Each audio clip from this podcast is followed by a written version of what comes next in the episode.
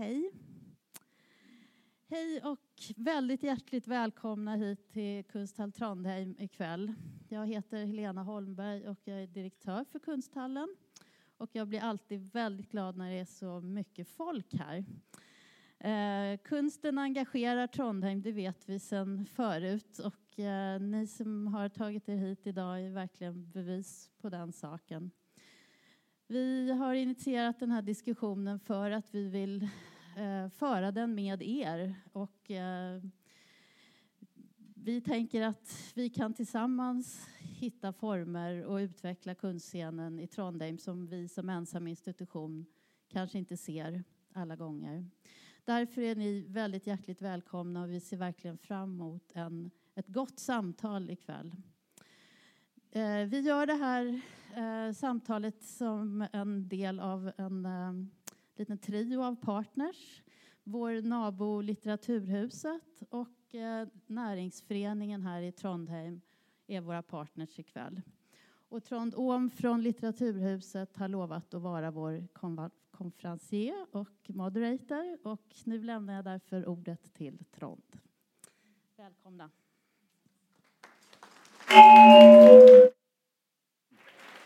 Ja, tusen takk for det, Helena.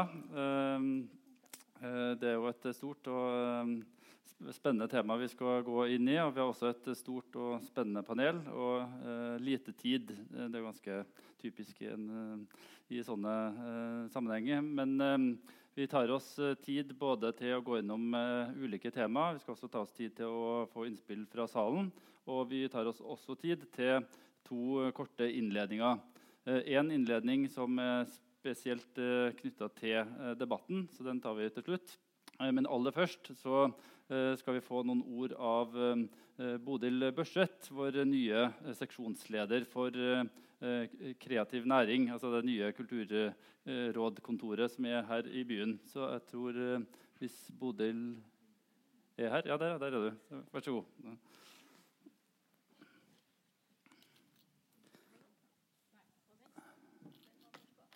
Er den på? Hører dere meg? Hei! Kultur-Trondheim. Kulturnærings-Trondheim, må jeg si. Eh, fint å være her. Jeg har eh, selvfølgelig alt på sånn foiler fra Kulturrådet som de har delt som jeg har sånn programforplikta til å vise fram. Det er jukselappen min, da, for jeg har jobba to uker på kontoret her i Trondheim. Eh, sånn at eh, jeg har ikke alle tall og fakta sånn eh, blodfersk i hodet foreløpig. Noen av dem må jeg ha på papiret. Eh, Kulturrådets satsing for uh, kulturell og kreativ næring, uh, som ble lansert nå i høst, er en del av en stor nasjonal satsing på kreativ næring.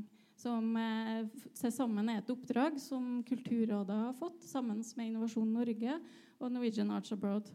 det er en kjempestor mulighet nå med den satsinga til å få gjøre sånn type løft som dere skal diskutere her i dag. Vi har eh, to forskjellige ordninger i Kulturrådet. En portefølje på 17 millioner kroner som er søkbar. Det er to forskjellige eh, ordninger som det går an å søke på, og som man kan gå inn på Kulturrådet sine nettsider og lese litt mer om. Søknadsfristen er 5.9. Og det går an å ta kontakt med oss og få rådgivning om de ordningene når man har vært inne og lest på nettsidene. Det er to forskjellige ordninger. Den ene går til regionale tiltak hvor eh, bransjen går sammen, flere større aktører, for å gjøre større regionale løft. Øke kompetansen og, og styrke kulturnæringsmiljøet ute i regionen. Og tanken er jo at det skal gå an å leve av å være kulturnæringsaktør i hele landet. Det har jeg nå prøvd sjøl, og jeg skal bare anbefale på det aller varmeste. Uh, og den andre ordninga er jo en, eh, en, et næringstilskudd for kunstnere uh, og aktører i feltet i samarbeid med kunstnerne. Sånn at man uh, sammen i lag kan gå ut for å styrke salg, distribusjon. det kan være agenter, gallerier osv. som til sammen da, med kunstnere og kunstnermiljøet går sammen for å søke denne ordninga og gjøre sånn at kunstnerne skal få flere ben å stå på eh, og kunne leve av kunsten sin. Jeg skal ikke misjonere noe mer for denne ordninga nå. Jeg er her først og fremst for å lytte til dere, for å gjøre meg kjent med kulturlivet i byen. Og høre på hva debatten bringer.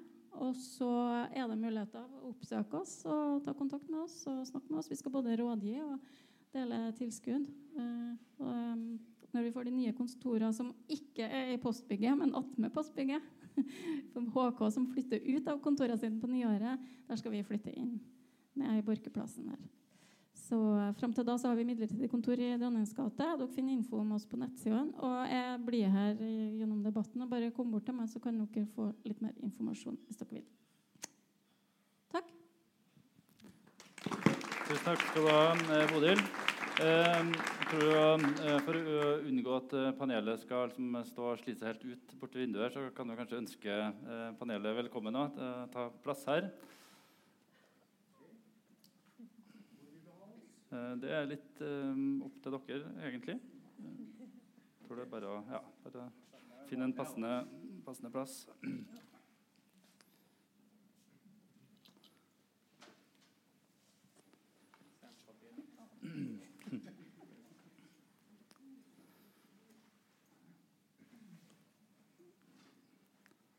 Så nå er det vel ingen eh, her som er uenig i at det skjer eh, veldig mye eh, i kulturlivet i Trondheim. Ikke bare i kulturlivet sånn bredt sett, men eh, ikke minst også på eh, kunstområdet. Eh, vi sitter jo eh, sjøl i liksom siste, det siste tilskuddet på kunstarenaen i Trondheim. Kunsthall Trondheim. Det er en rekke andre arenaer også. Uh, I tillegg så har vi også opplevd uh, i hvert fall én, kanskje flere litt sånn, det kan man diskutere, større kunstdebatter tidligere i år. Uh, jeg vet ikke hvor nyansert man kan si at de der kunstdebattene endte opp med å bli. Men jeg har i hvert fall gjort meg noen tanker rundt hva vi i hvert fall fikk ut av de debattene, eller hva man kan observere ut ifra den kunstdebatten som vi hadde tidligere i år. Og Det går eh, bl.a. på det at det er åpenbart at det er noen eh, ganske store forventninger til hva eh, kunsten betyr eh, for og i Trondheim. Altså Kunsten har en funksjon og en rolle som det er knytta en del forventninger rundt. I tillegg så eh, sier debatten også veldig mye om kommunikasjonen rundt kunst. Det er, ikke, det er ikke så lett, verken som journalist eller som institusjon eller som aktør på Kunstfellet, å kommunisere det på en rett måte. Og I tillegg så er det forventninger rundt uh, hva som er det felles ansvaret rundt uh, kulturlivet i Trondheim. Altså, det er åpenbart ikke bare kunstneres eller institusjonenes ansvar å, å, oppnå en god kulturby. Det er et sammensatt ansvar. Uh, alle de spørsmålene igjen åpner jo opp for andre spennende tema, som hva det vil si å være kulturaktør, kunstner, institusjon i en relativt liten by som Trondheim. er kunstens vilkår de samme her som de er i Paris, f.eks.? Kan eh, byens størrelse på godt og vondt gi andre uttrykk enn det ville gjort i andre byer? Eh, det synes jeg i hvert fall personlig er ganske interessante spørsmål. Eh, det er klart Vi rekker jo ikke kanskje over alt det her i, løpet av kvelden, men det er i hvert fall fire sånne temaer som jeg tror er ganske sentrale etter den debatten vi hadde tidligere i, i år. Ehm, vi har jo et eh, ganske bredt panel som jeg tror på en veldig god måte eh, speiler både eh, mangfoldet i kulturlivet, men også ikke minst med tanke på det med, ansvar. Altså jeg tror Mange som sitter her, har et ansvar for at, at vi skal få en god kulturby. Vi har Først er Johan Børjesson, direktør ved Trondheim kunstmuseum. Og så har vi Anne Kristine Børresen, dekan ved Humanistisk fakultet ved NTNU. Vi har Terje Eidsvåg, kommentator i Adresseavisa. Vi har Inge Five, eh, direktør i DeBank, også styreleder i Kunstforeninga. Så en fot i, i hver, hver, leir her. Så har vi Helena Holmberg, som eh, vi hilste på i sted.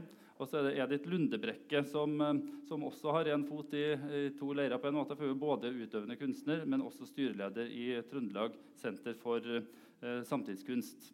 Og sist, men ikke minst, Berit Rian, som er leder i Næringsforeningen i Trondheim. Så det er næringslivets representant. da. Eh, før vi går over på selve debatten, eh, så vil jeg gi noen sånn litt praktiske opplysninger. Og vi skal også få en innledning av Berit, men jeg tar det praktiske først. og det er at Vi har jo ikke så fryktelig mye tid, så jeg vil be alle om å fatte seg i korthet. Vi setter jo ikke noen sånn talebegrensning. Jeg tror vi skal greie å få det til forløpe rimelig sånn uformelt. Men, men, jeg vil be alle om å, liksom, å, å være innstilt på å fatte seg litt i korthet. Vi skal over mye. Eh, det er også mulig for dere å tegne dere underveis. Så får vi se liksom sånn når det er naturlig å, å, ta innspill fra salen. Jeg skal prøve å, prøve å være åpen eh, sånn, ganske tidlig. Men hvis ikke så tar vi det mot slutten. da. Vi får se det litt an. Men det er i hvert fall mulig å, gi tegn underveis. Eller så er det mulig å kjøpe seg noe å drikke i baren underveis i samtalen også. Det tror jeg ikke sjenerer noen. Så det var egentlig det. Og da tror jeg jeg gir ordet til Berit Rian. Vær så god. Takk for det. Da må jeg stå med ryggen til dere. Beklager det. Eh, veldig ålreit å, å, stå her i dag, og fint at vi kan få til et sånt eh, samarrangement. Næringsforeninga i Trondheimsregionen er en interesseforening for 1700 bedrifter og kunnskapsorganisasjoner i Trondheim og fem andre kommuner. Eh, vi har et eget bransjeråd for eh, kulturbaserte og kreative næringer. Det er en viktig næring for oss. Så har jeg vært så heldig og blitt utfordra til å si noen ord. Så da, det er jo veldig fint, for da kan jo jeg egentlig si hva jeg mener nå. Men eh, det kan jo dere da snappe opp det jeg sier, og så går det an å diskutere det etterpå. Et rikt kulturliv det er et veldig viktig element i utviklingen av samfunnet vårt. Kunst og kultur det har stor betydning for næringslivet, både som bransje og som bidragsyter i utviklingen av næringslivet for øvrig. Et rikt kulturliv er også viktig for å beholde og tiltrekke gode arbeidstakere. For å få flere tilreisende til byen. Og for å bidra til enda mer levende og attraktiv midtby. Kunst og kultur er viktige drivere for byutvikling. I de siste årene har Trondheim investert mye i kultur. Vi har fått et litteraturhus og en kunsthall, for å nevne noe. Og begge av disse prosjektene har vært heia på og støtta av næringsforeninger. Vi har som vi nettopp har hørt, også fått eh, Kulturrådets nye avdelingskontor Kreativt Norge lagt til Trondheim. Til stor ergrelse for bl.a. bergenserne, som mener at eh, vi ikke har så mye kunst og kultur å skilte med her i Trondheim som de har i storbyen lenger sør på Vestlandet. Men det har vi. Og det må vi bli enda flinkere til å fremheve, snakke om og heie på. Da er det viktig med sånne diskusjonskvelder som denne. Og at vi har rom for ytringer, både for og imot at kunst er jåleri.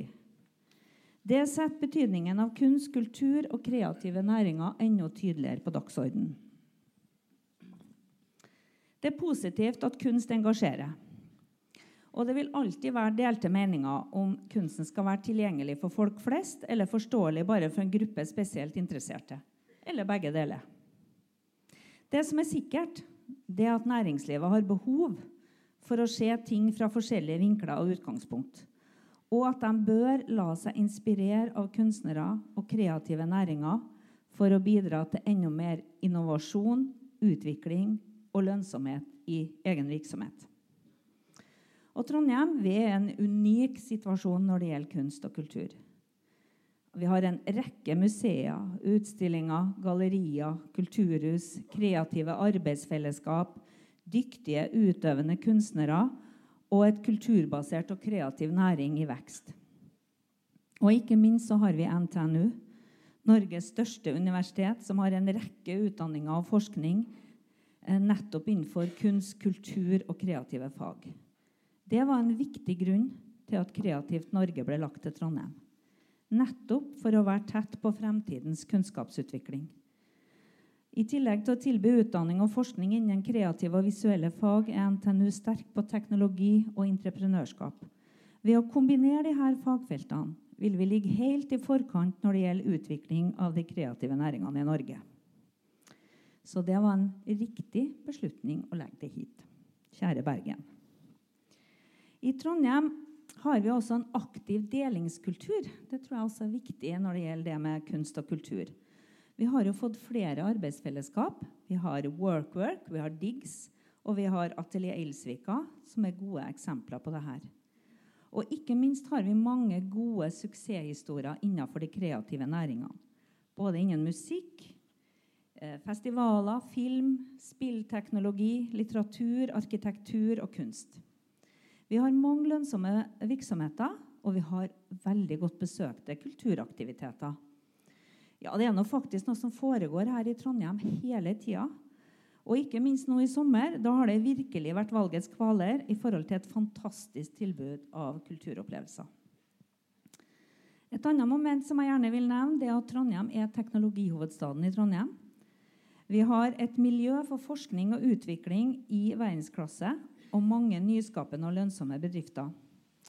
Teknologi og digitalisering er også viktige verktøy for å skape innovasjon og nye forretningsmodeller for de kulturbaserte og kreative næringene. Tenk på hvilken overføringseffekt det har.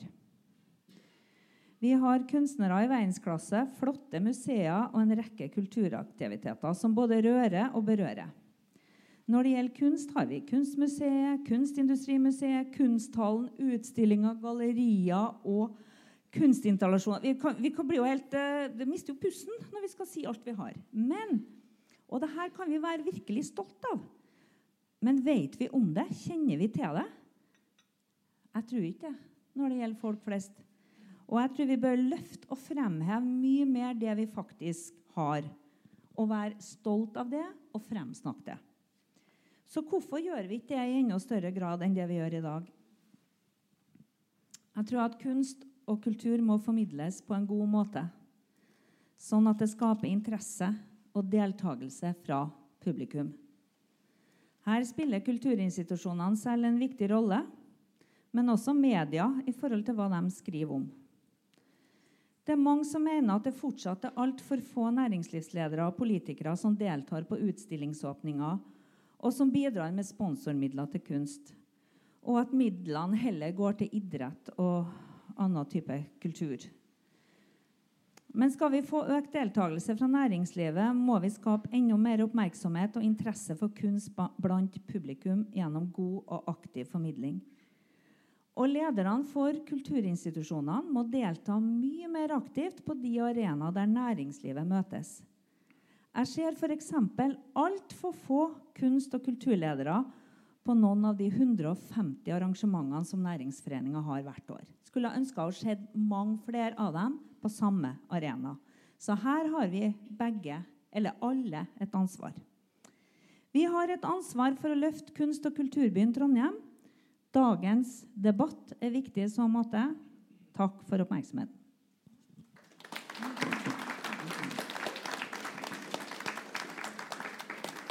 Tusen takk, eh, Berit. Eh, forventninger til kunsten. Eh, Johan Børjesson. Eh, du er jo du er svensk, og det er jo ikke så veldig lenge siden du kom til byen. Jeg leste også et ganske interessant portrettintervju med deg i Ukeadressa, hvor, hvor, mitt inntrykk var at det er ganske sånn stor kontrast mellom, mellom, det du kom fra, og det du kom til. Altså, var, det, var, det, et sjokk for deg å komme til, til kunstbyen Trondheim? Nei, det kan jeg ikke påstå. Nei, jeg skulle ikke si at det er så olikt. Alltså, eh, på ett sett i en storstadsregion som Stockholm är så är du mer anonym. Ting är utbytbara på ett annat sätt och, och, och på så sätt kanske klimatet kan vara lite annorledes.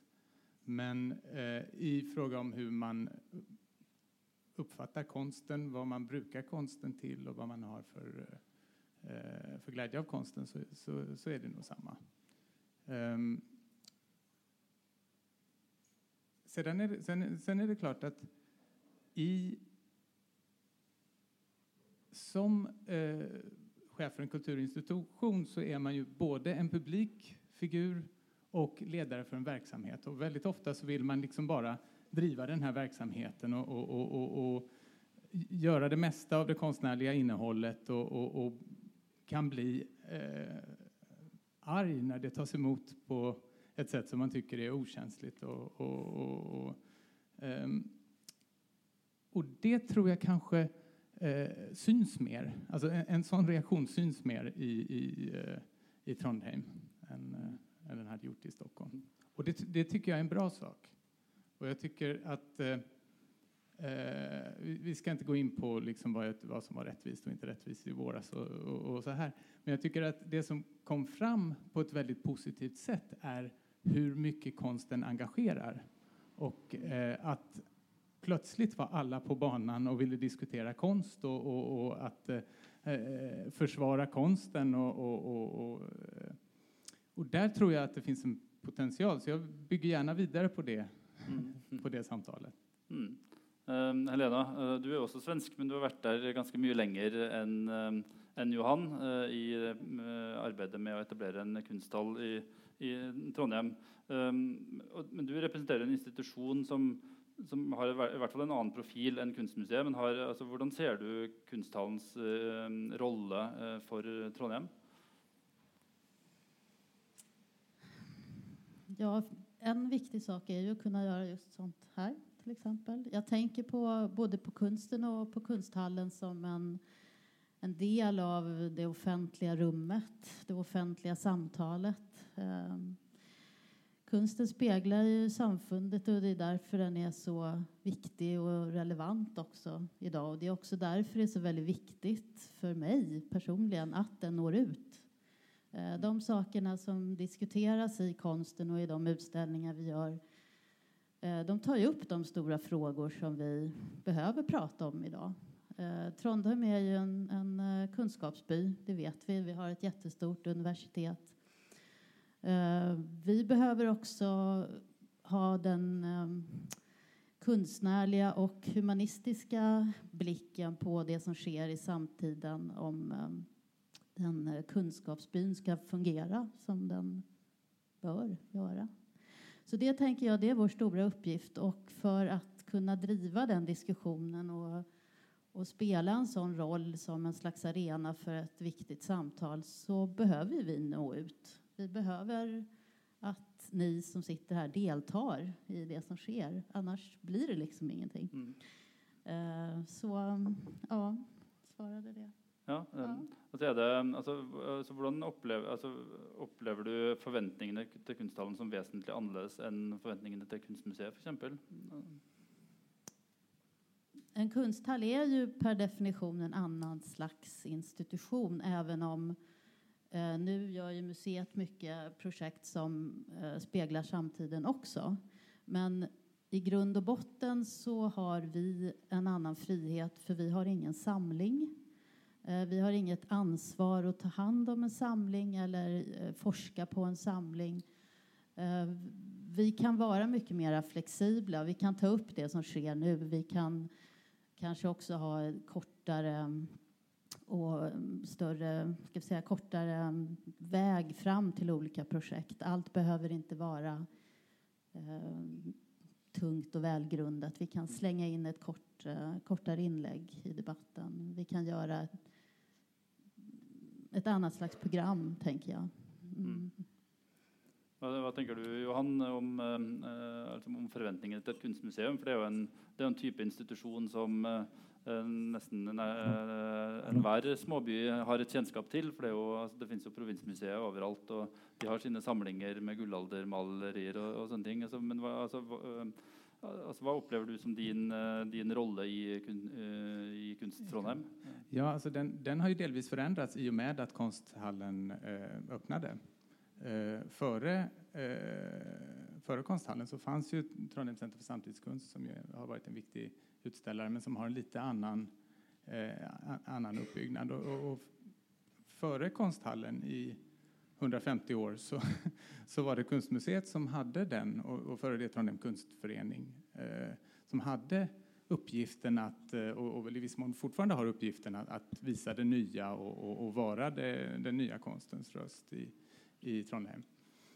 Um, och där har det ju då, om man ser i ett historiskt perspektiv, så, så, så, ser det ju väldigt annorlunda ut nu än det gjorde ens för 30-40 år sedan i, i fråga om vad som krävs för att göra en utställning. Så för oss är det en väldigt stor lättnad att ha en samtid, samtalspartner i konsthallen.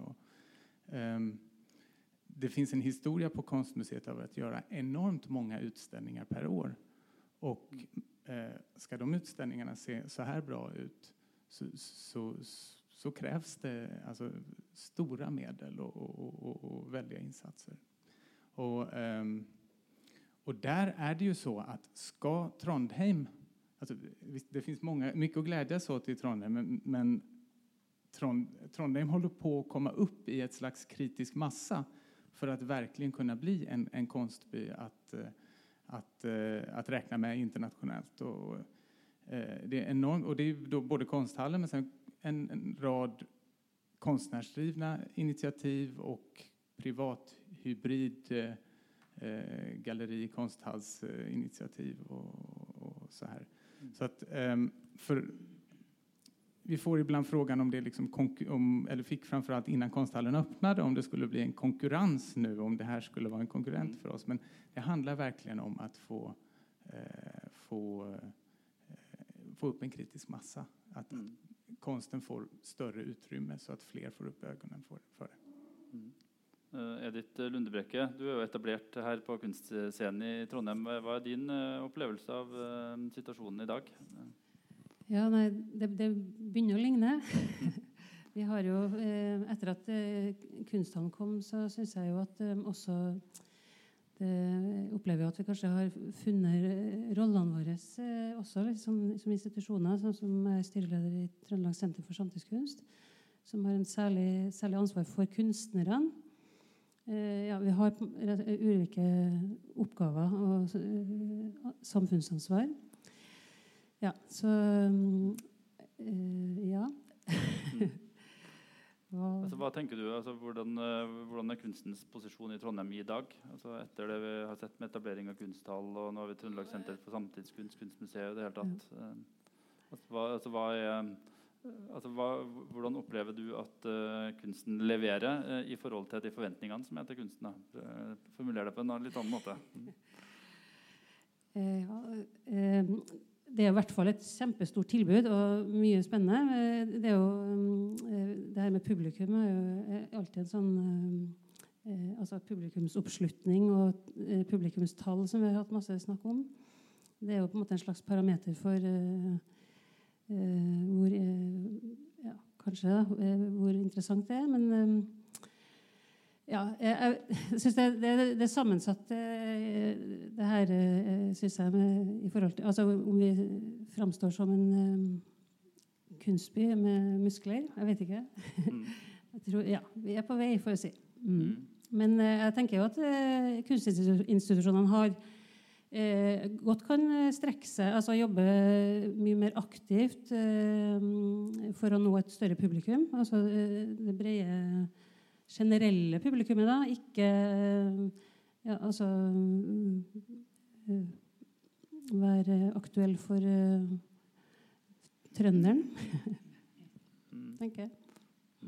Uh, Inge Five, uh, du har jo som nevnt uh, en fot i, i, i hver leir. Du, jo, du, representerer, du, representerer jo ikke næringslivet her i kveld, kanskje, men du er i hvert fall forretningsmann i tillegg til at du er styreleder for Kunstforeninga. Og du har jobba mye med den økonomiske sida i Kunstforeninga. etter hva jeg har forstått. Altså, hva, hva, er din vurdering av, av, kunstlivet i Trondheim i dag?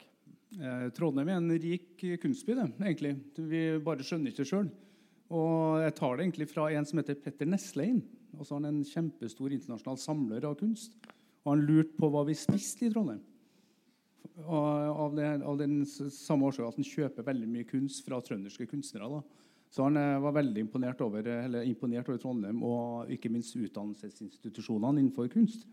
Så det, Den har jeg tatt med meg. Den skal jeg aldri glemme når jeg, når jeg snakker med igjen.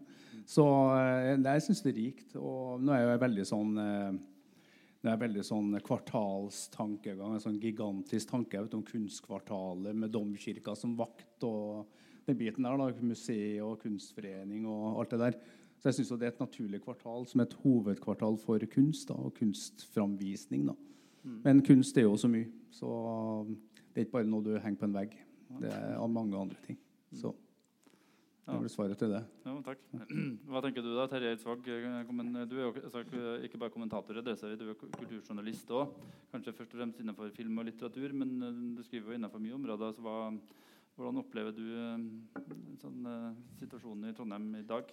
Eh, I denne debatten om kunstbyen Trondheim så syns jeg det, kronikken til Helena i dag var et bra oppspill. Eh, for jeg, jeg, eh, man kan alltid, jeg har også sterke meninger om formidling og hvordan man snakker og skriver om kunst, og det er viktig. og Der kan man åpenbart bli mye bedre. Det kommer en uh, Cannes-vinneren til, til, svensken uh, Ruben Østlund kommer straks på kino, og den pirker veldig morsomt i det. Men likevel så mener jeg at det er viktigere at kunsten gir oss noe å snakke om. Og kanskje også at uh,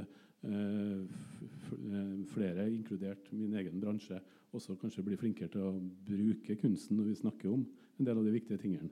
Men, men jeg blir litt sånn matt av at man omtaler kunst som én ting. At kunst skal bli enten mer folkelig eller den skal bli Man snakker jo aldri sånn om litteratur eller musikk. Så jeg tror på en måte at man må starte med å, med å tro at det er en sånn enkel løsning hvis man skal få til et løft for kunstbyen Trondheim. Derimot så tror jeg det er ganske mange enkle ting det går an å gjøre, og det er mange som kan bli, kan bli bedre. Og det er noen forutsetninger som er unike med, med NTNU, med, med uh, utdanningsinstitusjonene og med uh, kan, mangler kanskje de store uh, institusjonene som man kan misunne Bergen for mye. Men jeg tror at det ligger noen forutsetninger som gjør at det er mulig å, å høyne interessen og kanskje også høyne statusen. Da. Men da må man også ikke ba, være ensidig opptatt av å fokusere på alt som, ikke, alt som er dårlig. at det er en enkel løsning. Eh, så jeg, er relativt eh, optimistisk der. Men så er vi jo også i en tid hvor, eh, hvor, kunst og kultur er utsatt på alle felt. Se på skolen, se på media. NRKs Kulturnytt har etter sommerferien halvert sendetida si hver morgen. sånn at vi alle som er her, er en del av en, av en bransje eller en, et felt som er under press i Norge. Og det tror jeg også vi må ta inn over oss. da, at Løsninga er ikke å, å, tro at man kommer tilbake til 1997 eller eh, situasjonen. Så man, man, må på en måte finne vår tids løsninger på den utfordringa, tror jeg. Mm. Uh, Anne Kristine Børresen, dekan uh, ved Humanistisk fakultet. Um, for ganske mange år siden så flytta jeg til Århus i Danmark. Eh, og representerte meg liksom, kom fra Trondheim og greier. Og liksom, det første reaksjonen jeg fikk fra de jeg møtte her, det var liksom, wow, Trondheim, det var Kunstakademi, Trondheim, Kunstakademiet som var sånn, ganske stort i de miljøene der den gangen. Kim Hjortøy osv. Hadde et veldig sånn, godt renommé. Eh, NTNU er jo veldig sentral i det her på veldig mange måter. Ikke minst pga. den synligheten det gir kunst og kultur her i Midtbyen, både med Kunstakademiet, konservatoriet og andre. Altså hvordan, altså for å snu det til den, til den andre sida, altså hva er på en måte NTNUs bidrag til, til kunstbyen Trondheim, og hvordan ser du den uh, oppgaven uh, framover? Ja. Det var et enkelt spørsmål. uh, kan jeg få Jeg må bruke litt tid. Ja, greit, ja. Fordi at mm. et, Kanskje ikke alle her som vet hvor mange kunstfag vi har på NTNU. Det fakultetet jeg leder, har utøvende musikk, det vi kaller konservatoriet på folkemunne. Vi har musikkvitenskap, vi har musikkteknologi, og vi har et lite dansemiljø. Så har vi kunsthistorie. Eh, så har vi kunst- og medievitenskap. Film, film, og medievitenskap. Og vi har jammen ta meg òg film- og videoproduksjon. Det er på mitt fakultet. Og så har vi et nabofakultet på Gløshaugen som heter arkitektur og design, som har Kunstakademiet og eh, designmiljø. Og til sammen så har vi da eh, kunnskapsmiljø som enten er utøvende kunstnere, utdanner utøvende kunstnere og selv er utøvende i feltet, samtidig som vi har solide miljø som analyserer kunsten. Så vi gjør to ting. Vi tenker at vi har en jobb å gjøre innenfor NTNU med å løfte kunsten opp som en del av det som profilerer oss, for det gjør det. Andre universitet har outsourca kunstfagene i egne fakultet eller egne høyskoler. På NTNU har vi gleden av å ha dem internt på fakultetene. Det tenker vi er en styrke. Men vi må løfte opp, sånn at rektoren når han drar rundt, ikke bare bruker kunst som pynt, men tar et ansvar for de kunstmiljøene vi har, og bruker det i profileringa. Men så har vi sjølsagt som fagmiljø òg et ansvar for å samspille aktivt med kunstinstitusjoner i byen. Det har vi på Det humanistiske fakultet jobba mye med, og vi har bl.a. fått et eh, fruktbart samarbeid med Kunsthallen her. Det tror jeg at vi skal gjøre mye mer av for å få til samspill og samvirke mellom både våre, dem vi utdanner til feltet, og dem som analyserer feltet. Det er viktig i seg sjøl for våre studenter og fagmiljø å komme i samspill med dem som jobber i kunstfeltet. Eh, men det er òg viktig for å stimulere publikumsinteressen for alle de gode kunstinstitusjonene vi har. Mm. Tusen takk. Uh, kommunikasjon. Uh, etter uh, vårens debatt så sitter jo sikkert mange her igjen med, sånn, med ulike inntrykk av hva, hva, ja, hva, denne debatten bidro til, og hva, hva som står igjen. Men Inge Five, altså, har kunsten et kommunikasjonsproblem? Ja, altså jeg syns det. Jeg syns markedskommunikasjon til, til kunstmiljøet er, det, det, det er snevert. Altså det, du, du, når ikke publikum, vet du. Altså det, de, altså jeg kjøper jo kunst og har ansatte som jeg prøver å påvirke for å interessere seg for kunst. Nå kjøpte jeg en trykk av en Yngve Zakarias da, som er verdensbildet med trekanter som stemmer igjen med logoen i firmaet. Så det var jo en stor krangel om Alaska ligger der det ligger. da. Så jeg tror Yngve bomma på forma si, da, for det er ett trykk her. Da, så, men, eh, men eh, det, det, det, også en annen sak som er veldig viktig, det er formidling. Altså, Jeg liker ikke å gå på åpninga av, av kunstutstillinga, for du ser ryggen på folk, bare du ser ikke kunsten. Da liker jeg å dra alene, og så vil jeg, vil jeg se på det alene. Og da synes jeg at Når man går inn i 2017, altså i den digitale tidsalder, så bør det være muligheter for å få en mulighet til å ta på seg noen øreklokker, VR-briller og sånne ting, og få formidla kunsten. For Jeg er veldig nysgjerrig, for det er mye, mye, rart. Jeg reiser mye og er på mange utstillinger rundt i verden. Da. Og, og det, det, det, er så mye rart jeg ser. Jeg har ingen anelse om hva jeg kikker på. Og da har jeg godt kunne tenkt meg å få forklart. Altså, Hvem er kunstneren? Hva, hva, er, hva, er, budskapet? Er det politisk? Er det kjærlighetssorg? Eller er det noe, noe helt annet? Liksom? Altså, jeg, jeg, må forstå det. Og det tror jeg er viktig for folk eh, som altså Den som sitter her i kveld, og er jo spesielt interessert i kunst. Jeg tror ikke det er så mange her som, som ikke er interessert i kunst. Det, eller som for, altså, Jeg bare merker på mine ansatte. De er nysgjerrig. Jeg får dem mer og mer nysgjerrig. Så nå skal vi ha en sånn runde på et museum og få en formidling så de skjønner hva det dreier seg om. Da. Altså, De snakker om Tidemann og Gude. ok, fint. Eh, det kan være at det var et budskap bak det bildet òg. Men det er jo fotografisk smart. Sant? Men når du ser de tingene der, så vil man gjerne liksom forstå det. Det tror jeg er veldig veldig viktig. Også at man, at man tidligere nysgjerrigheter til, til, til, til, folk som ikke i dag bruker kunstmuseene og, og foreningene. Mm. Det mener jeg. Sterkt. Eh, Beriton, hva tenker du om det? Ja, altså, eh, jag vet ikke om formidling og marknadskommunikation er riktig samme sak. Men eh, jag kan holde med om at både er vår uppgift. Och, eh, Medan formidling er vårt fält og noe vi jobber med så, så gott vi kan og, så, och, och är liksom syftet med det vi gjør på mange sätt så tror jeg at marknadskommunikationen og och, och marknadsföringen är en sak som gjør folk misstänksamma mot konst och, och, och, så. Inte, inte den lilla, lilla, lilla reklam vi har, utan avsaknaden av det. Om man, tittar på, om man tänker sig eh, Eh, ja, man tänker det, det, mesta fritidsliv, alltså gå, om, om, du går in i en galleria eller vad, vad du gör en, en, lördag eftermiddag så är det förenat med att köpa något och det är förenat med enormt mycket marknadsföring som är så allestädes närvarande att du, inte, du knappt är medveten om det. Sen går du in i en otroligt imponerande byggnad och så är det liksom ingenting som, som på något sätt griper tag i dig på det här, det här liksom lite nästan ovälkommen smekningssättet. Uh, och, och då känner du dig utlämnad och, och, och ensam och, och, um, och då ligger det nära till hands att man går i försvarsställning och börjar prata om jolleri och, och, och, och, vad det kan vara. Och där är det ju naturligtvis vår stora eh, ja, en sorg för oss att vi inte har de medlen som det kostar att göra reklam på det sättet.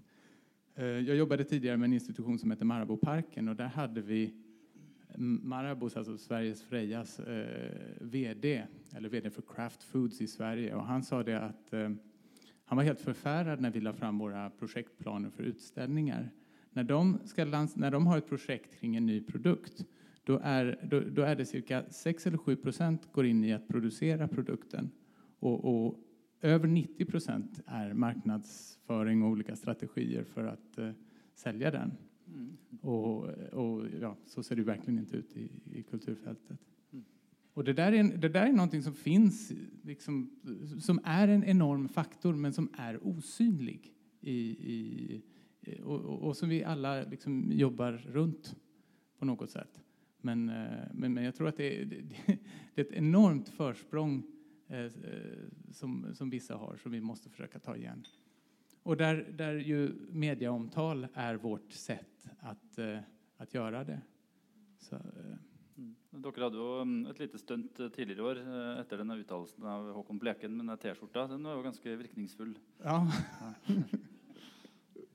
ja, det var helt, helt... Och, och det där var ju mest menat som en, som en ironisk replik och som ett sätt att föra in någon slags humoristisk debatt. Men det fick enormt gensvar.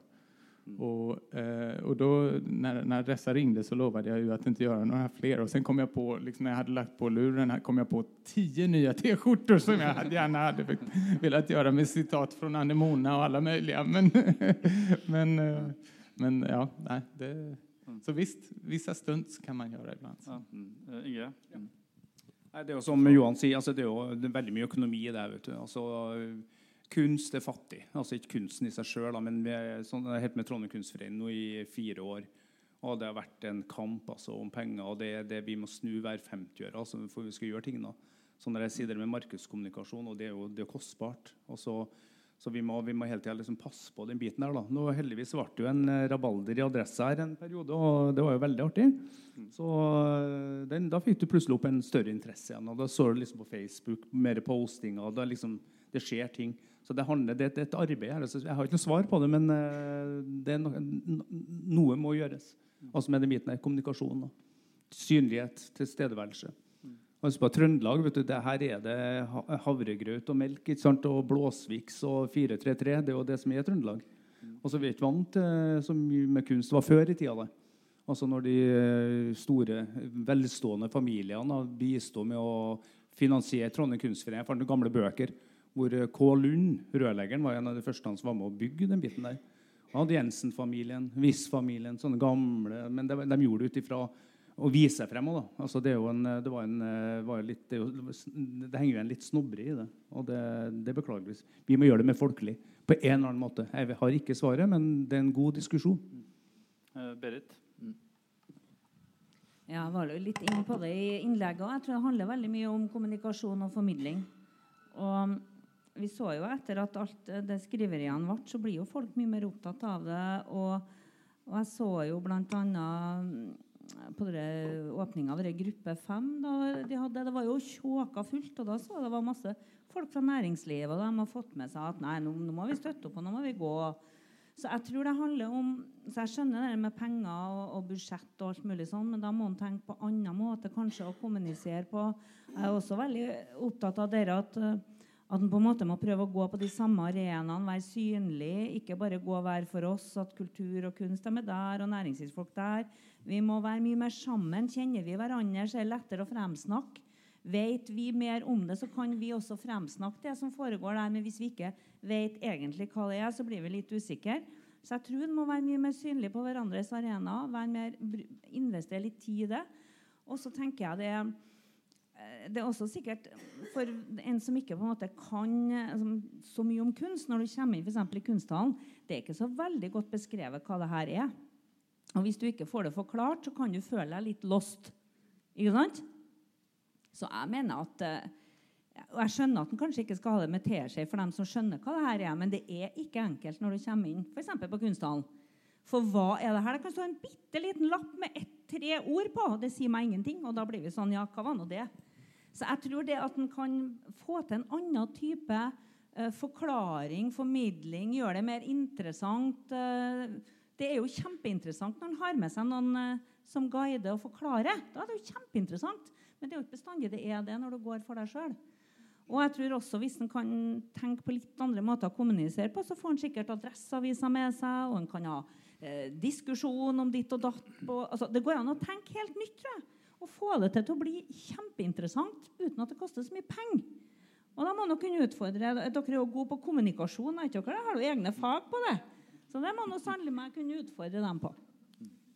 Eh, Johan? Um, samtidig er jo konsten en plats der vi kan ta opp saker på et sett som ikke alltid behøver være enkelt. Alltså det, det, det är, alltså i, I politikken er det dødsstraff å komplisere en fråga eller sånt. Der skal det være enkelt og raka beskjed osv. så vidare. Men virkeligheten ser ikke ut så. Og det finns eh, ambivalenser og det fins eh, eh, nyanser och, och, så vidare. Och, och, det är ju en av konstens viktigaste uppgifter att vara en fristad där den sortens samtal också kan föras. Sen ska jag erkänna stor skuld. Alltså jag, har, jag får ju era eh, brev varje vecka och jag har ännu inte gått. Och, och, och, jag har varit på väg och jag har varit intresserad och, och jag lovar att komma på, på era frukostar och på andra mötet som ni har. Så att, eh, och det är helt rätt att vi behöver bli bättre på, på varandras fora. Det är inte bara inte bara våra utställningsåpningar som, som, eh, eh, som alt skal mätas efter. Terje og Anne-Kristine. Ja, eh, innspill til et par ting her. Eh, jeg tror at det er mer å hente på eh, å tenke på å gjøre den offentlige samtalen bedre og større. Så trengs det også flere Man kan gjerne skyte på oss i media og ofte sikkert med god grunn, men det trengs også flere bidrag ifra, eh, fra både for så vidt akademia, men også fra kunsten. Innenfor det feltet som jeg jobber, da, kulturjournalistikk, så kjenner jeg ganske mange av den trua rasa i Norge som har som er bakgrunn fra filmvitenskap. Ganske mange litteraturvitere. Noen få musikkvitere, men det også. Men jeg tror nesten ikke jeg kjenner en journalist som har bakgrunn enten fra kunsthistorie eller et sterkt forhold til det. Eh, så det og når mediene endrer seg, eh, så er det jo mange steder hvor, lokale, nei, hvor denne offentlige samtalen foregår. Så for å bedre den så mener jeg også at det trengs uh, flere bidrag fra folk som har spisskompetanse innenfor, innenfor, feltet. Og så er det jo veldig bra at, og ikke overraskende, mener jeg, da, at Gruppe 5 trekker masse folk.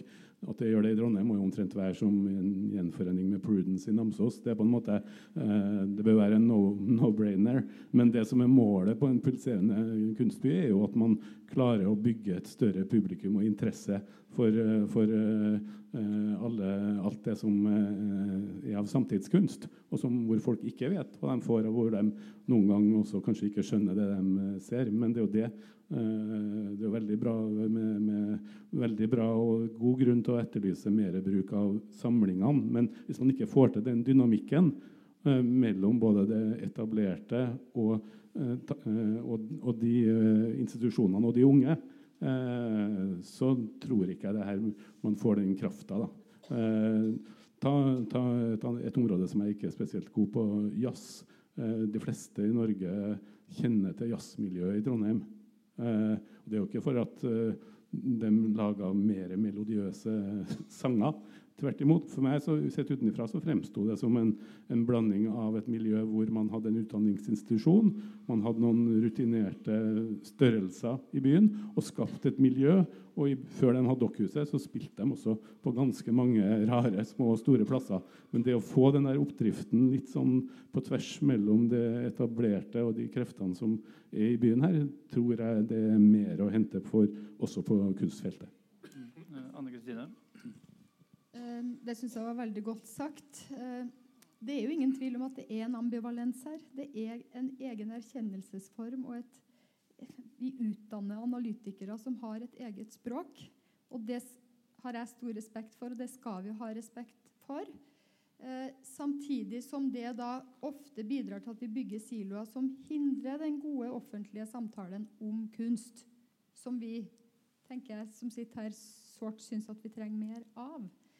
Eh, og Da tror jeg Berit har et poeng. Vi bygger for mye siloer, og vi deltar for lite på hverandre sine arenaer. Det er det mange gode grunner til, fordi vi er så travle i hver vår silo. Men hvis vi ønsker å løfte kunsten både på NTNU og i byen, kunstbyen Trondheim, så må vi utfordre, utfordre hverandre mer. Og våge å gå utafor komfortsonene og våre egne, egne faglige grenser.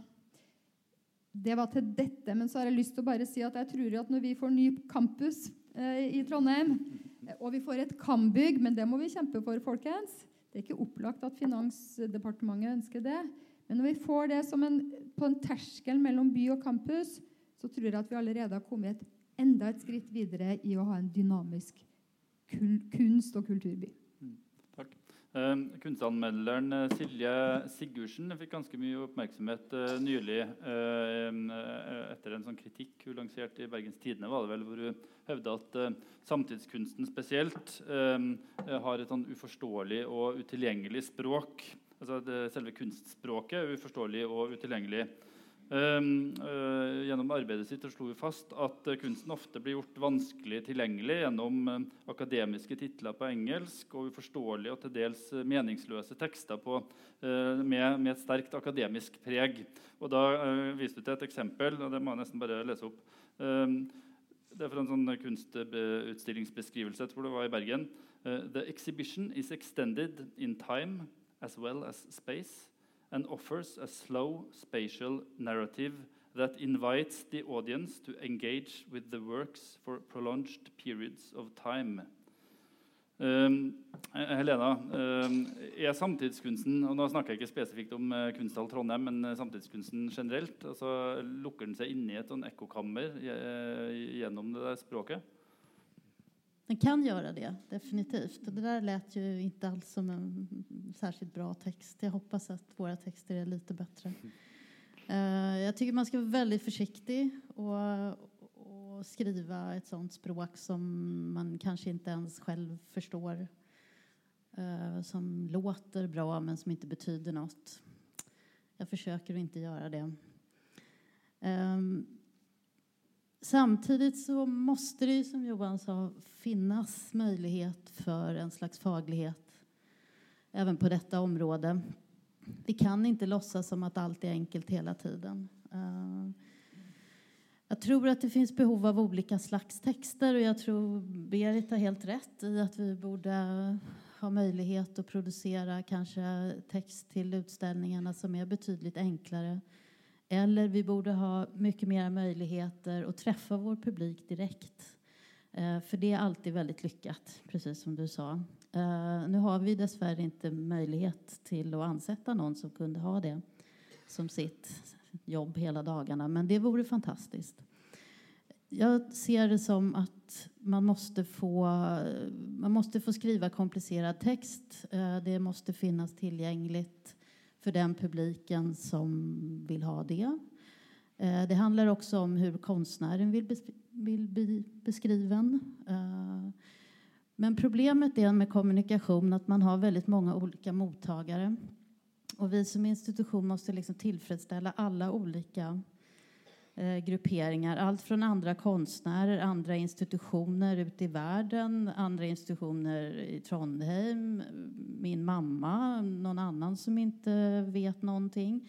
Det är liksom ett spann som är ganska orimligt att tro att man ska klara i en form av text. Och därför är det jätteviktigt att det finns olika, former och olika tilltal och vi kan helt säkert bli mycket bättre på det. Jag kan garantera alla som sitter här att det inte finns någon enda konstinstitution eller någon enda konstnär som har lust att sitta i en silo, som du sa. Uh, alla vill bli hörda. Alla vill bli förstådda. Det är ju det som är själva vitsen med konsten. Att man har någonting att förtälja till andra människor. Eh, det är därför man gör konst, det är därför vi visar konst. Eh, att det blir komplicerat ibland är inte bra, men ehm, det är aldrig intentionen att göra så att någon känner sig avskräckt. Håller du med? Mm. Ja, det kan vara, ska det vara komplicerat så ska det vara komplicerat för att det måste vara komplicerat. Men, men det ska inte vara, man ska inte försvåra för publiken. Det, det är aldrig vårt... Nei, det er ikke bare kunsten som uh, har sånne utfordringer.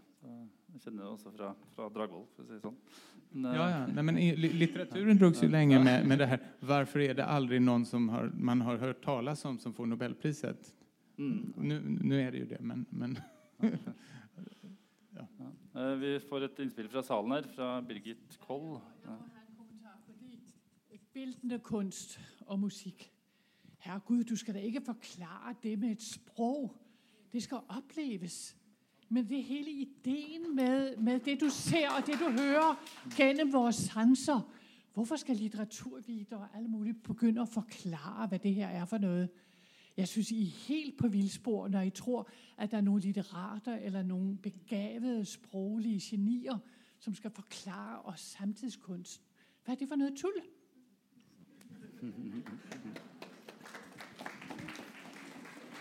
Noen som vil kommentere det? Kunst kan definitivt oppleves og skal oppleves. God konst har olika innganger, olika nivåer. Uh, jag tänker att man kan möta konsten som vi ser den her i salen uh, direkt utan å tale om den, utan å skrive om den. Men det er virkelig et misstag å tro at man ikke kan gjøre det. Mycket fin text har skrivits i relasjon til andre uttrykk, som kunst f.eks. Terje? Ja, veldig bra innspill. Jeg er langt på helt enig. Det er få ting som irriterer meg mer i de kunstartene som jeg er mer, mest opptatt av, enn når noen skal forklare meg hva jeg skal mene eller tenke.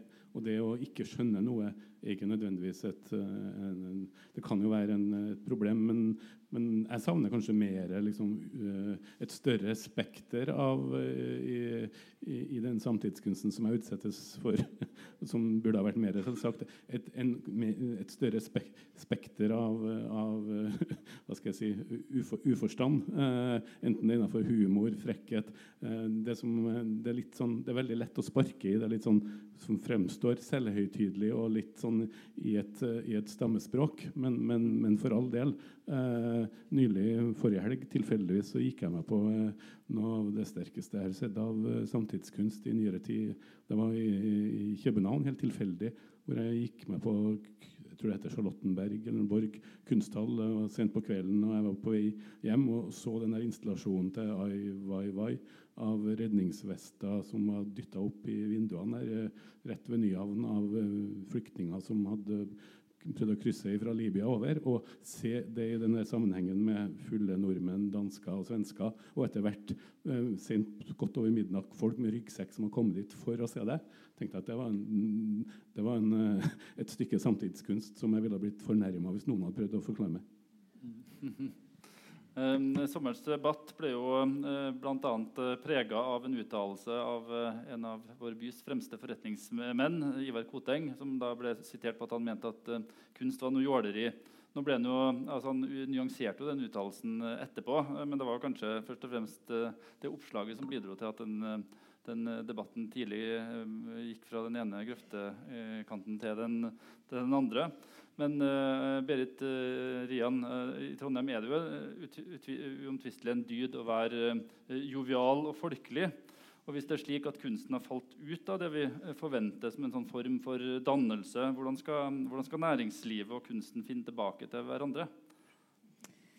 Ja, Det at vi er folkelige, det tror jeg det noen, trenger å være noen motsetning i forhold til det og i forhold til samtidskunst som vi snakker her. og alle som kjenner Ivar Boteng, vet at han kan uttale seg litt eh, raskt innimellom. Og han skrev jo riktignok en kronikk etterpå, mm. hvor han prøvde å, å, å, si hva han mente. Jeg, jeg, tror det går mye på det vi snakker om her. Eh, hvis at, at, det er et språk som brukes, og uttrykk som du føler er veldig usikker på og ikke skjønner, og føler at jeg har jo ikke studert kunst, og jeg skjønner jo ikke egentlig hva de snakker om, og hva det her er, så føler jeg veldig fremmedgjort.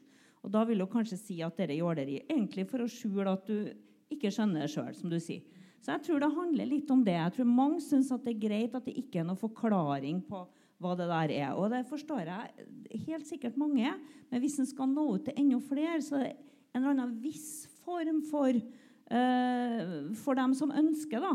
Hva, hva, er det her vi kan oppleve? Jeg tror det, det går på det. Det er en slags sånn frykt for at du skal kanskje føle deg dum, eller at du ikke vet hva det er. Eller, selv om jeg er helt enig at du bør kunne oppleve noe sjøl. Det er jeg helt enig i. Men hvis du da tenker at jeg kan ikke gå inn her, for jeg vet ikke egentlig hva, nesten, hva jeg skal kommentere, så jeg tror det går på litt sånn ja, vi må bli litt bedre kjent og tryggere på hva det her er. og og jeg tror ikke det er noen motsetning mot folkelighet og det kunst av god kvalitet og samtidskunst. Det tror jeg ikke det er det hele tatt.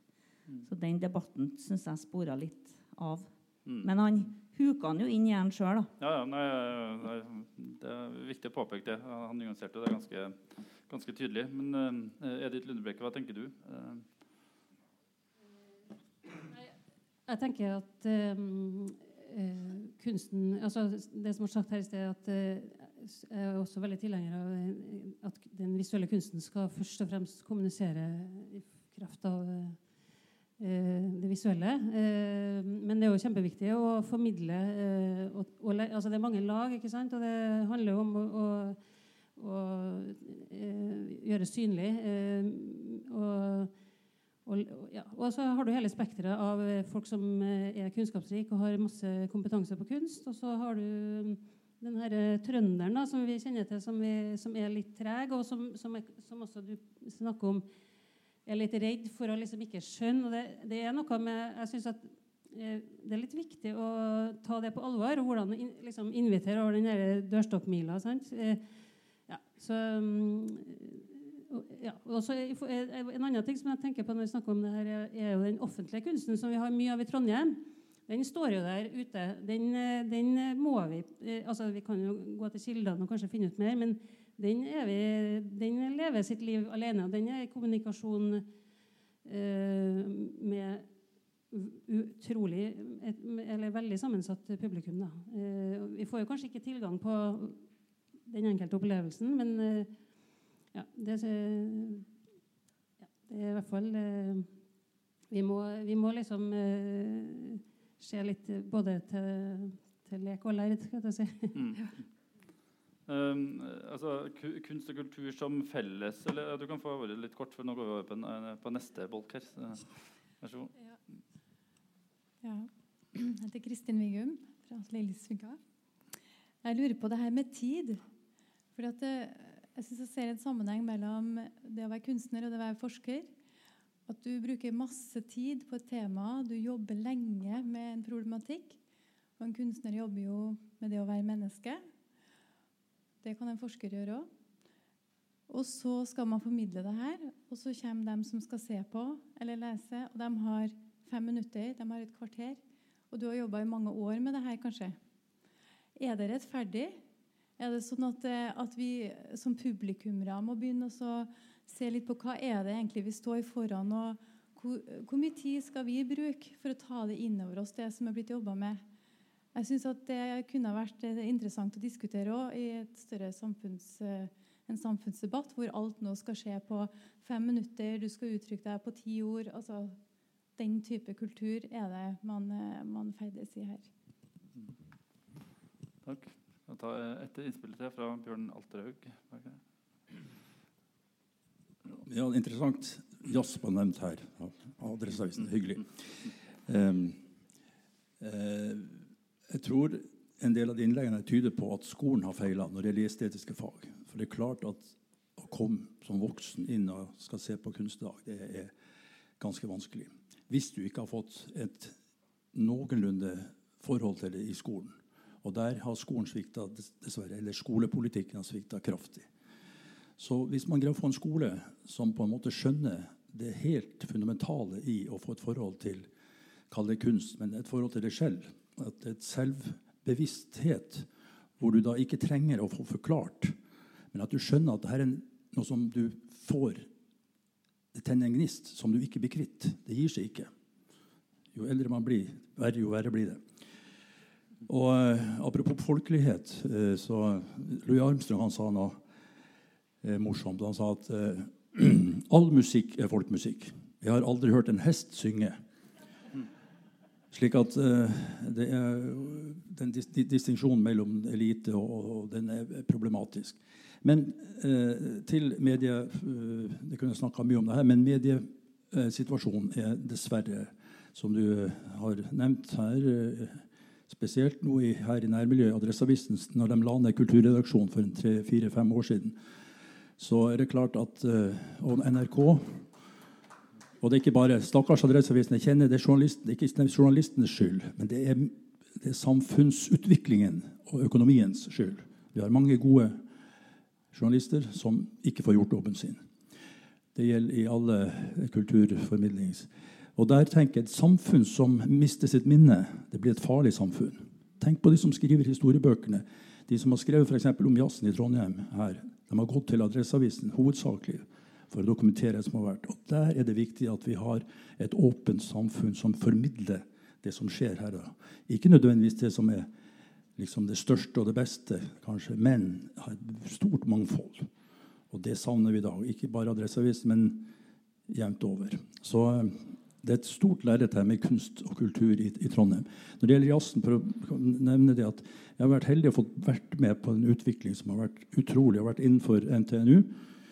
Og det at jazzen, som har vært en ganske marginal musikkform, i løpet av nå 50 år, ved hjelp av NTNU, og ikke minst tatt tak i det miljøet som har vært her, og, et åpent miljø hvor man har spilt med alle og rundt omkring på små steder og alt, og utvikla et miljø, en biotop. Man snakker om Rosenborg, som strever. ikke sant?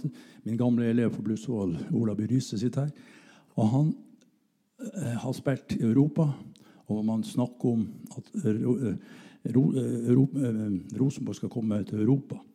Musikklivet i Trondheim har vært i verdensklasse i 20-30 år og spilt i Europa i 20 år. Våre studenter har vært ute i så, Men hvem vet om det? Så vi må være stolt av det som vi har, og det må vises. Så blir det mye bedre.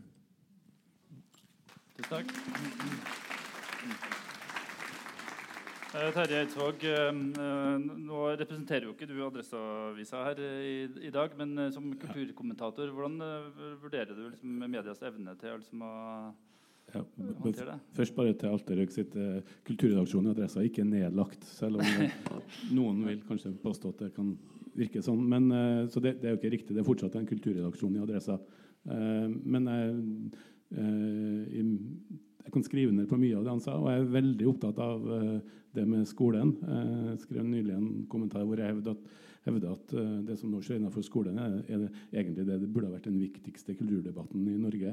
Eh, og klart også når man snakker om, eh, om kunst eh, Det er ingenting som griper meg mer enn når jeg er på gode kunstmuseum og ser store flokker med, med, barnehagebarn og andre som er der. Jeg vet jo at man jobber med det i Trondheim også. Men tanken om at man skal få et kunstinteressert publikum og folk til å gå på utstillinger med en genuin kunstinteresse når de har runda 30 eller 40, da, da, begynner man Her må det bygges, gjøres forebyggende arbeid mye mye, mye før. Altså. Så jeg tror det er en veldig viktig del av det. Men jeg er også veldig bekymra over utviklingen i, i media. Eh, eh, selvfølgelig. Og kulturjournalistikken er uh, under press. Og det gjør nok også at eh, selvfølgelig som aviser og institusjoner også som Adresseavisa stilles til ansvar. Eh, og det kan eh, sikkert være at vi ofte eller av og til forsømmer oss, men det som uansett i alle fall er sikker på at det ikke kommer til å skje. At det kommer til å bli skrevet mye mer eh, om kunst fordi at plasten blir mindre, i alle fall i, i det mediet som mange av dem som er opptatt av, uh, av, kunst, som sitter her, sannsynligvis bruker nemlig papir. Men så er det det store spørsmålet knytta til det, det digitale uh, og lesing der. Uh, så jeg er langt på vei både forståelse og enig i mange av synspunktene til, til Alterhaug. Men jeg mener Eh, for all del, altså, Kulturreaksjonen i Adresseavisa er ikke nedlagt. Det er en, det er en, det er en dårlig myte. Ja, da, da, takk, da vet vi det. Uh, vi er jo egentlig over liksom, på um, det med felles ansvar. Det er jo egentlig kanskje utgangspunktet for debatten. altså Løft kunstbyen. Hvem er det som har et ansvar for det? Jo, det er jo ikke bare kunstnerne og kunstinstitusjonene. Det er jo næringslivet og det er NTNU og det er andre aktører også som som, eh, som, har et sånt ansvar. Men akkurat hva det ansvaret består i, det vil jo variere over tid. Og eh, Dagens politiske mantra i hvert fall, det det med kultur og næring spesifikt. Eh, det er jo interessant på mange måter. Altså, det har kommet fram at Bergen er flinkere til å sponse kultur enn det man er i Trondheim. Men det er jo også en utfordring for, for, for kunsten sjøl, som vi har vært inne på allerede må man ta en annen form for dialog med næringslivet? Må man tilby noe annet til næringslivet enn, det kunsten har gjort før? Og Edith, jeg vet at du er opptatt av, av, av det. Så, hvordan vurderer du tendensene i dag? Altså, er det noe, altså, er det noe håp om at det med kultur og næring skal, skal liksom, bli til noen ting? Eh, jeg må innrømme at eh, jeg syns det er litt vanskelig å forstå hva kulturbasert næring er. Da, egentlig. Eh, jeg tenker, jeg er jo den eneste i panelet her som faktisk er kunstner, som produserer kunsten. Og jeg vil jo egentlig appellere til næringslivet på den måten at man legger til rette for kunstnerne. Altså at blir, Trondheim blir en attraktiv kunstby. Det handler jo også om at det er attraktivt for kunstnere å være her. Og eh, f.eks. Eh, eh nyutdanna eh, Eller de som er ferdig på akademiet, de flytter nesten eh, altså, Jeg vet ikke. Det, er ikke så mange som blir igjen. Og det handler jo veldig mye om eh, fasiliteter, atelier og sånne ting. Trondheim kommune har jo en uh, ganske bra ordning for uh, atelier. Men det er jo sånn som vi absolutt tenker at næringslivet bør kunne bidra med subsidierte atelierplasser.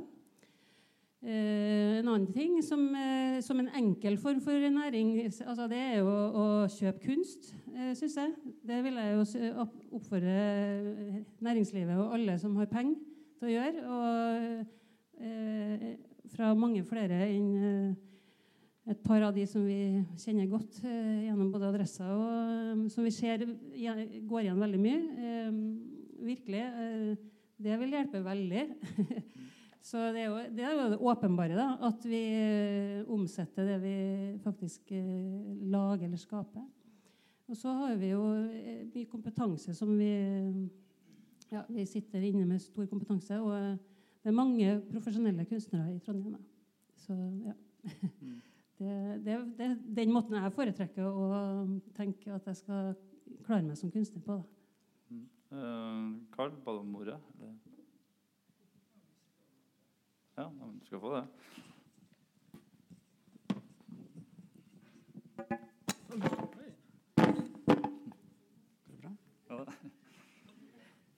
Karl Martin Farby. Jeg må heller si at jeg jobber på Kunsthall Trondheim, så jeg er ikke sånn helt utfrakommende.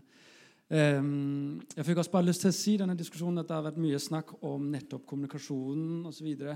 Uh, og jeg var veldig enig i det her med at vi, skal, vi må skille mellom det å forklare kunsten men samtidig så syns jeg det kan være fint å ha et større fokus på det fellesskapet som vi har rundt kunsten. Og det tror jeg de aktørene som altså kunstinstitusjonene, næringslivet, universitetet osv. Vi skal være bedre til å oppbygge et fellesskap rundt kunsten.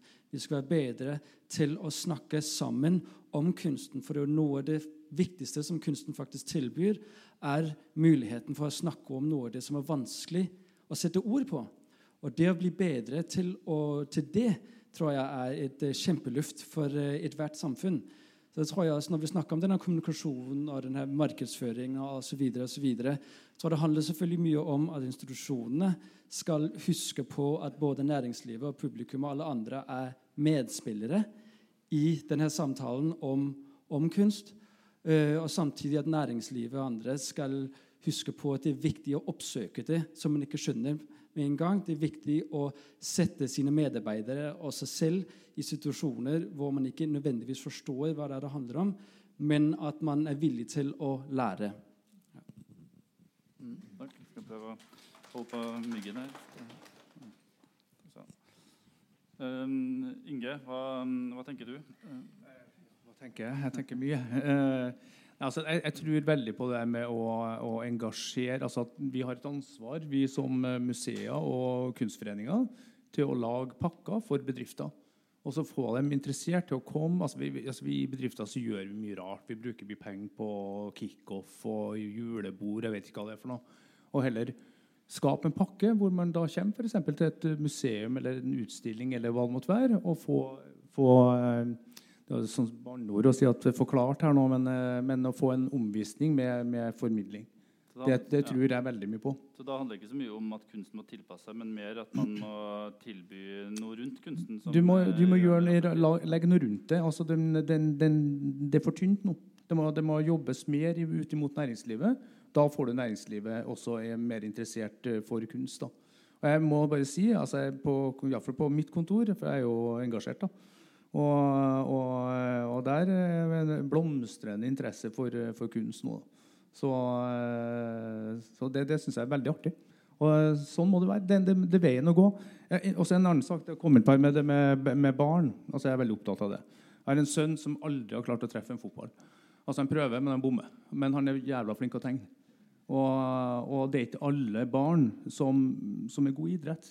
Det må også legges til rette for at de får et tilbud. Altså kreativt tilbud eh, på en eller annen måte. Skolen eh, sorry, mikrofonen dårlig. Skolen er jo et bra sted å begynne, men også aktiviteter ved siden av. da. Det er også når vi tenker på Trondheim kunstforening Vi har jo sitter Elena bak her, ser jeg. Vi har, jo, vi har jo det lille huset ved siden av eh, Trondheim kunstforening som bare står tomt. Hvorfor ikke lage dette et arbeidsområde for, for, uh, for barn og ungdom? Barn er digital. Altså, de tror at um, iPaden kom ut av en vegg. De skjønner ikke at noen må, altså det analoge må være til stede.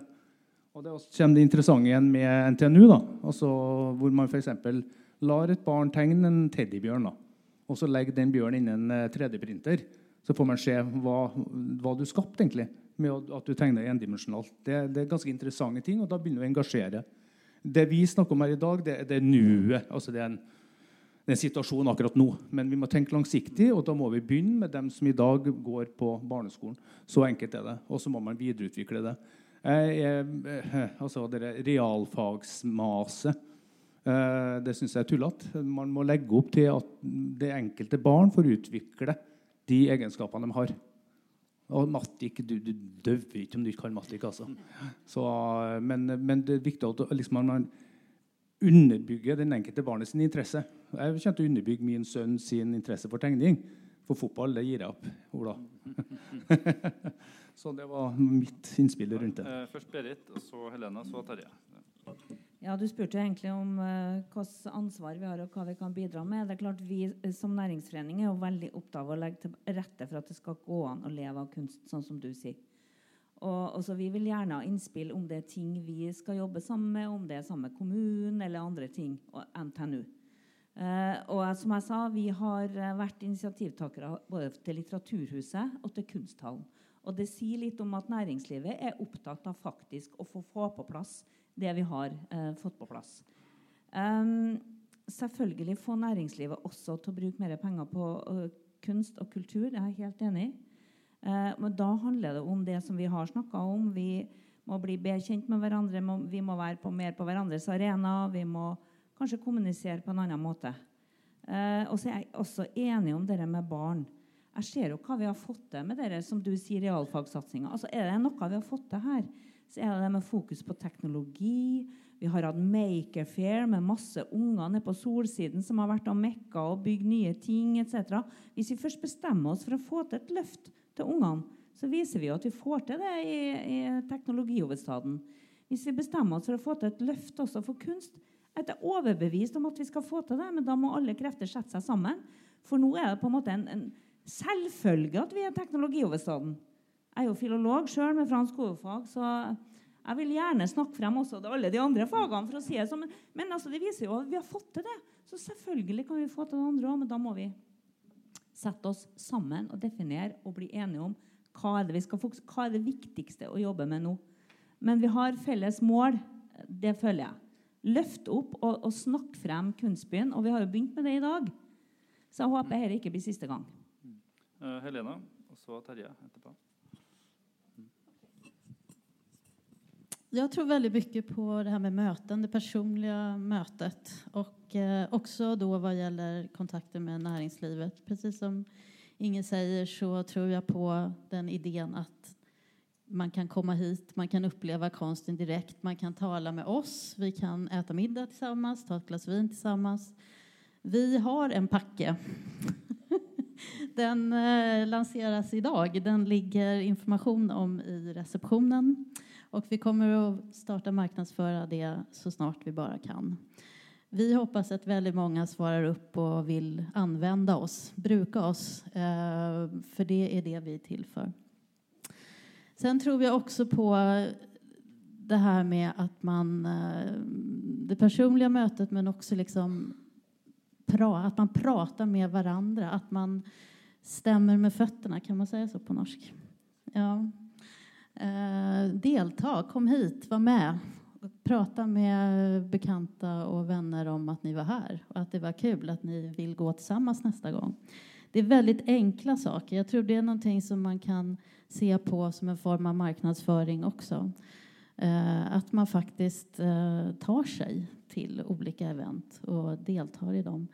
Det är först när alla kunstinstitutioner är fulla med entusiastisk publikum som adressen kommer att definitivt komma dit och bevaka.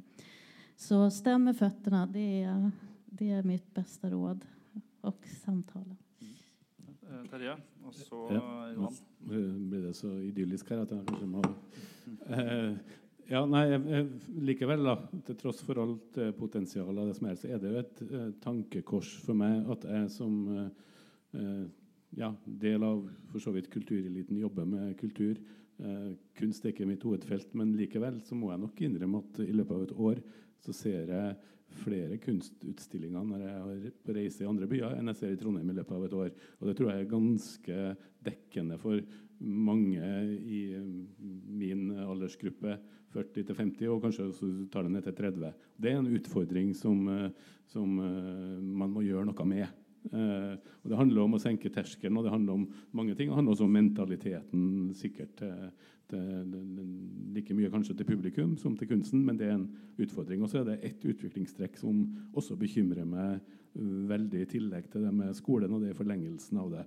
Eh, det, er lett, det er sunt å ha noen gode, gode fiender når man føler at man ikke blir anerkjent nok. og Der kan man jo gjerne bruke både media, næringsliv, idrett, realfag, uh, you name it. Uh, og det kan være fornuftig å ha en Men det som jeg faktisk er bekymra for nå, en helt annen ting, det er det strukturelle som har skjedd med rett og slett som følge av endring av tippenøkkelen de siste årene.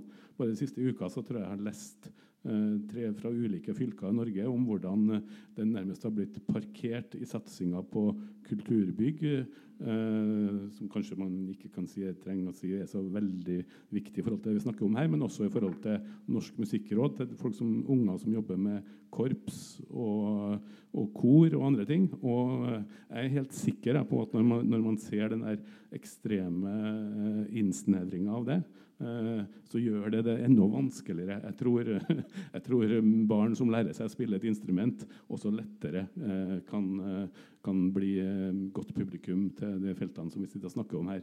Så jeg er bekymra for en del av de strukturelle endringene som faktisk har skjedd i Norge de siste 10-15 årene. Ut ifra gode hensikter, som det såkalte Kunnskapsløftet og, og satsing på realfag.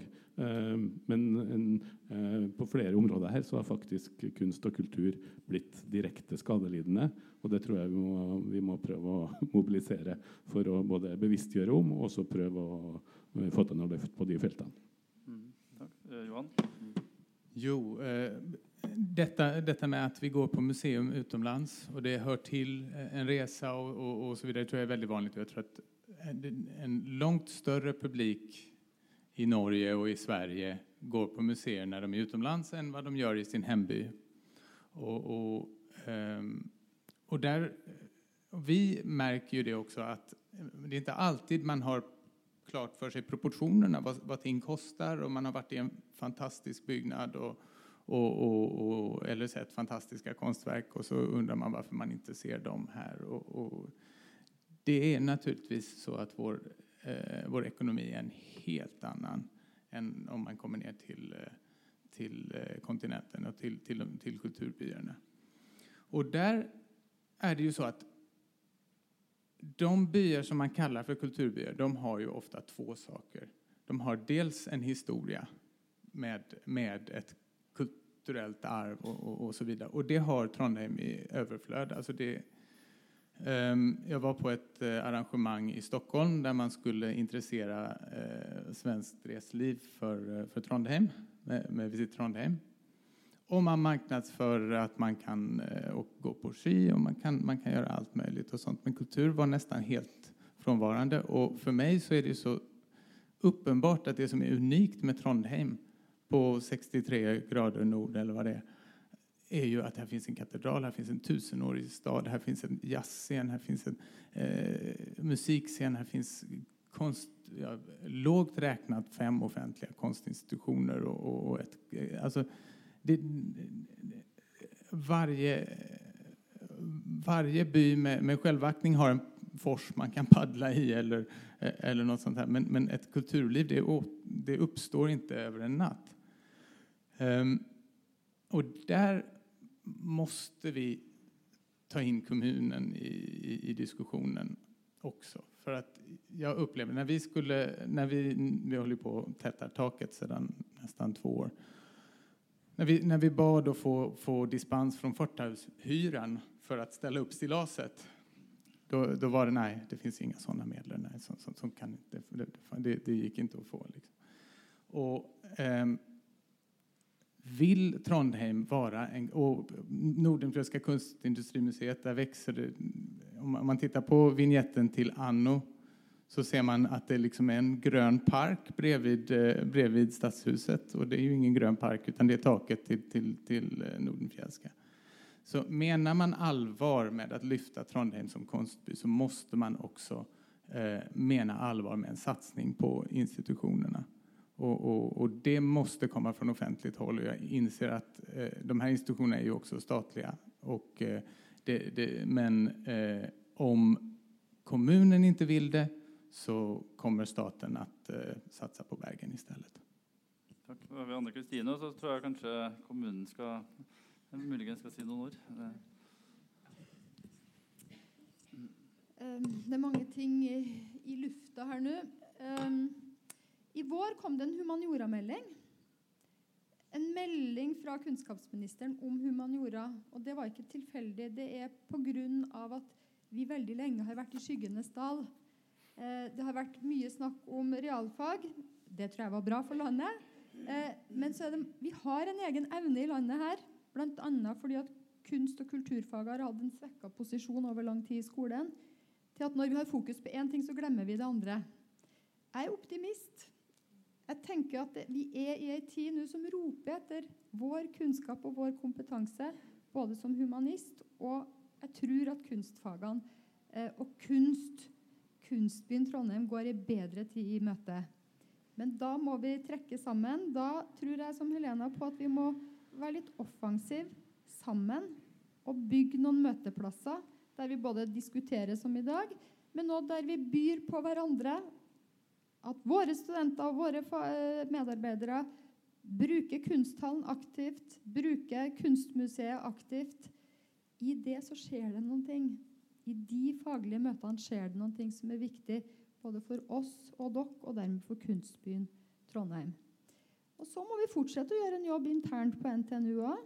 Vi jobber mot eh, Nå har Bodil gått, men vi jobber jo for å møblere oss eh, godt internt på NTNU og utnytte kompetansen på tvers av fagmiljøene våre for at vi skal kunne gi noen gode råd til Kreativt Norge og få til et samspill mellom vårt fagmiljø og økonomi- og nyskapingsmiljøene.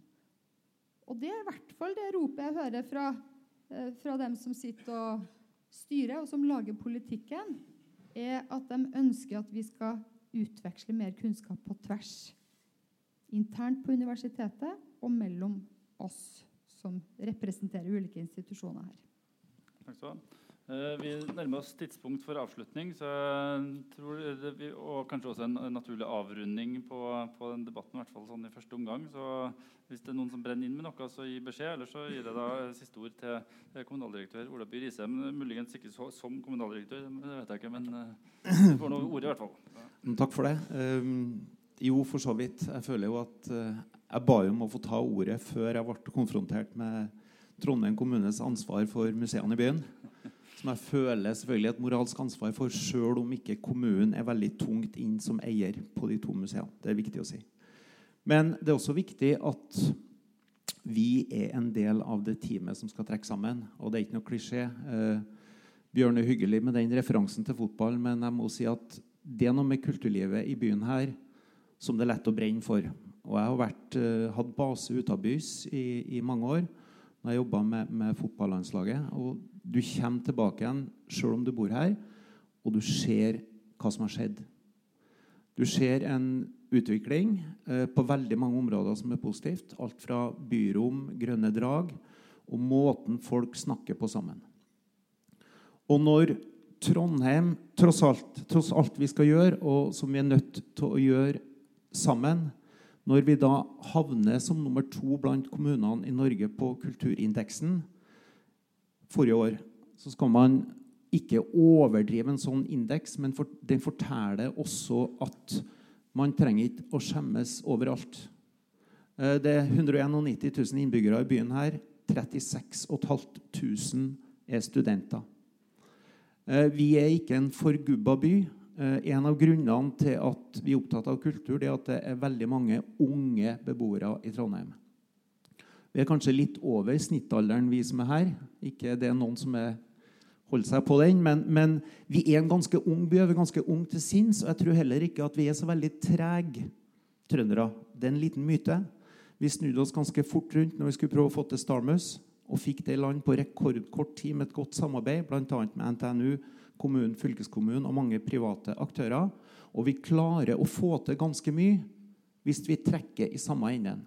Og en av styrkene med Trondheim, i tillegg til at vi har NTNU, som gir oss mye drakraft, det er at byen akkurat er passe stor til at folk kjenner hverandre, eller har mulighet til å kjenne hverandre. Og da er det også sånn som Berit og flere har vært inne på, man skal kanskje være litt flinkere til å gå i flere miljø. For jeg tror at det å havne bare i sin egen trygge komfortsone, det er veldig farlig.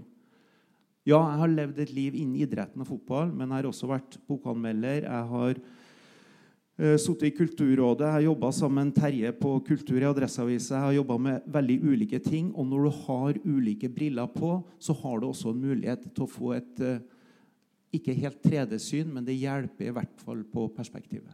Og så tenkte jeg skulle si én siste ting, og det gjelder formidling. Og der tror jeg vi alle har godt av både å reflektere og utfordre hverandre. Uh, det er stor forskjell på det å klare å vinke og lokke folk inn i noe, og det å forflate. Hvis en Terje skriver en bokanmeldelse eller en filmanmeldelse, så forteller han ikke hele handlinga. sånn at når jeg har lest, så tenker jeg Shit, den har ikke jeg noe lyst til å lese eller lyst til å se. Da er det noe som spenner opp et lerret, som kanskje gir en ramme, og som kanskje til og med lokker meg inn og tenker at det der har jeg lyst til å oppleve. Og Det tenker jeg er en utfordring som gjelder uansett hva vi holder på med. Prøv å vinke folk inn gjennom å ha faglige kvalifikasjoner, ha et godt språk, men ikke nødvendigvis komplisere på en måte som stenger folk ut, men som vinker folk inn. Og Det er ikke bestandig så lett å få til, men intensjon tror jeg er viktig å ha der. Og så vil jeg bare avslutningsvis si at det å invitere til det møtet her Jeg skjønte det kom til å bli mye folk. Og jeg tror at vi klarer å få i gang en enda bedre samtale rundt de utfordringene vi har. For vi har utfordringer dersom vi klarer å skape de arenaene hvor vi tar inn diskusjonen, debatten, med folk med ulikt utgangspunkt.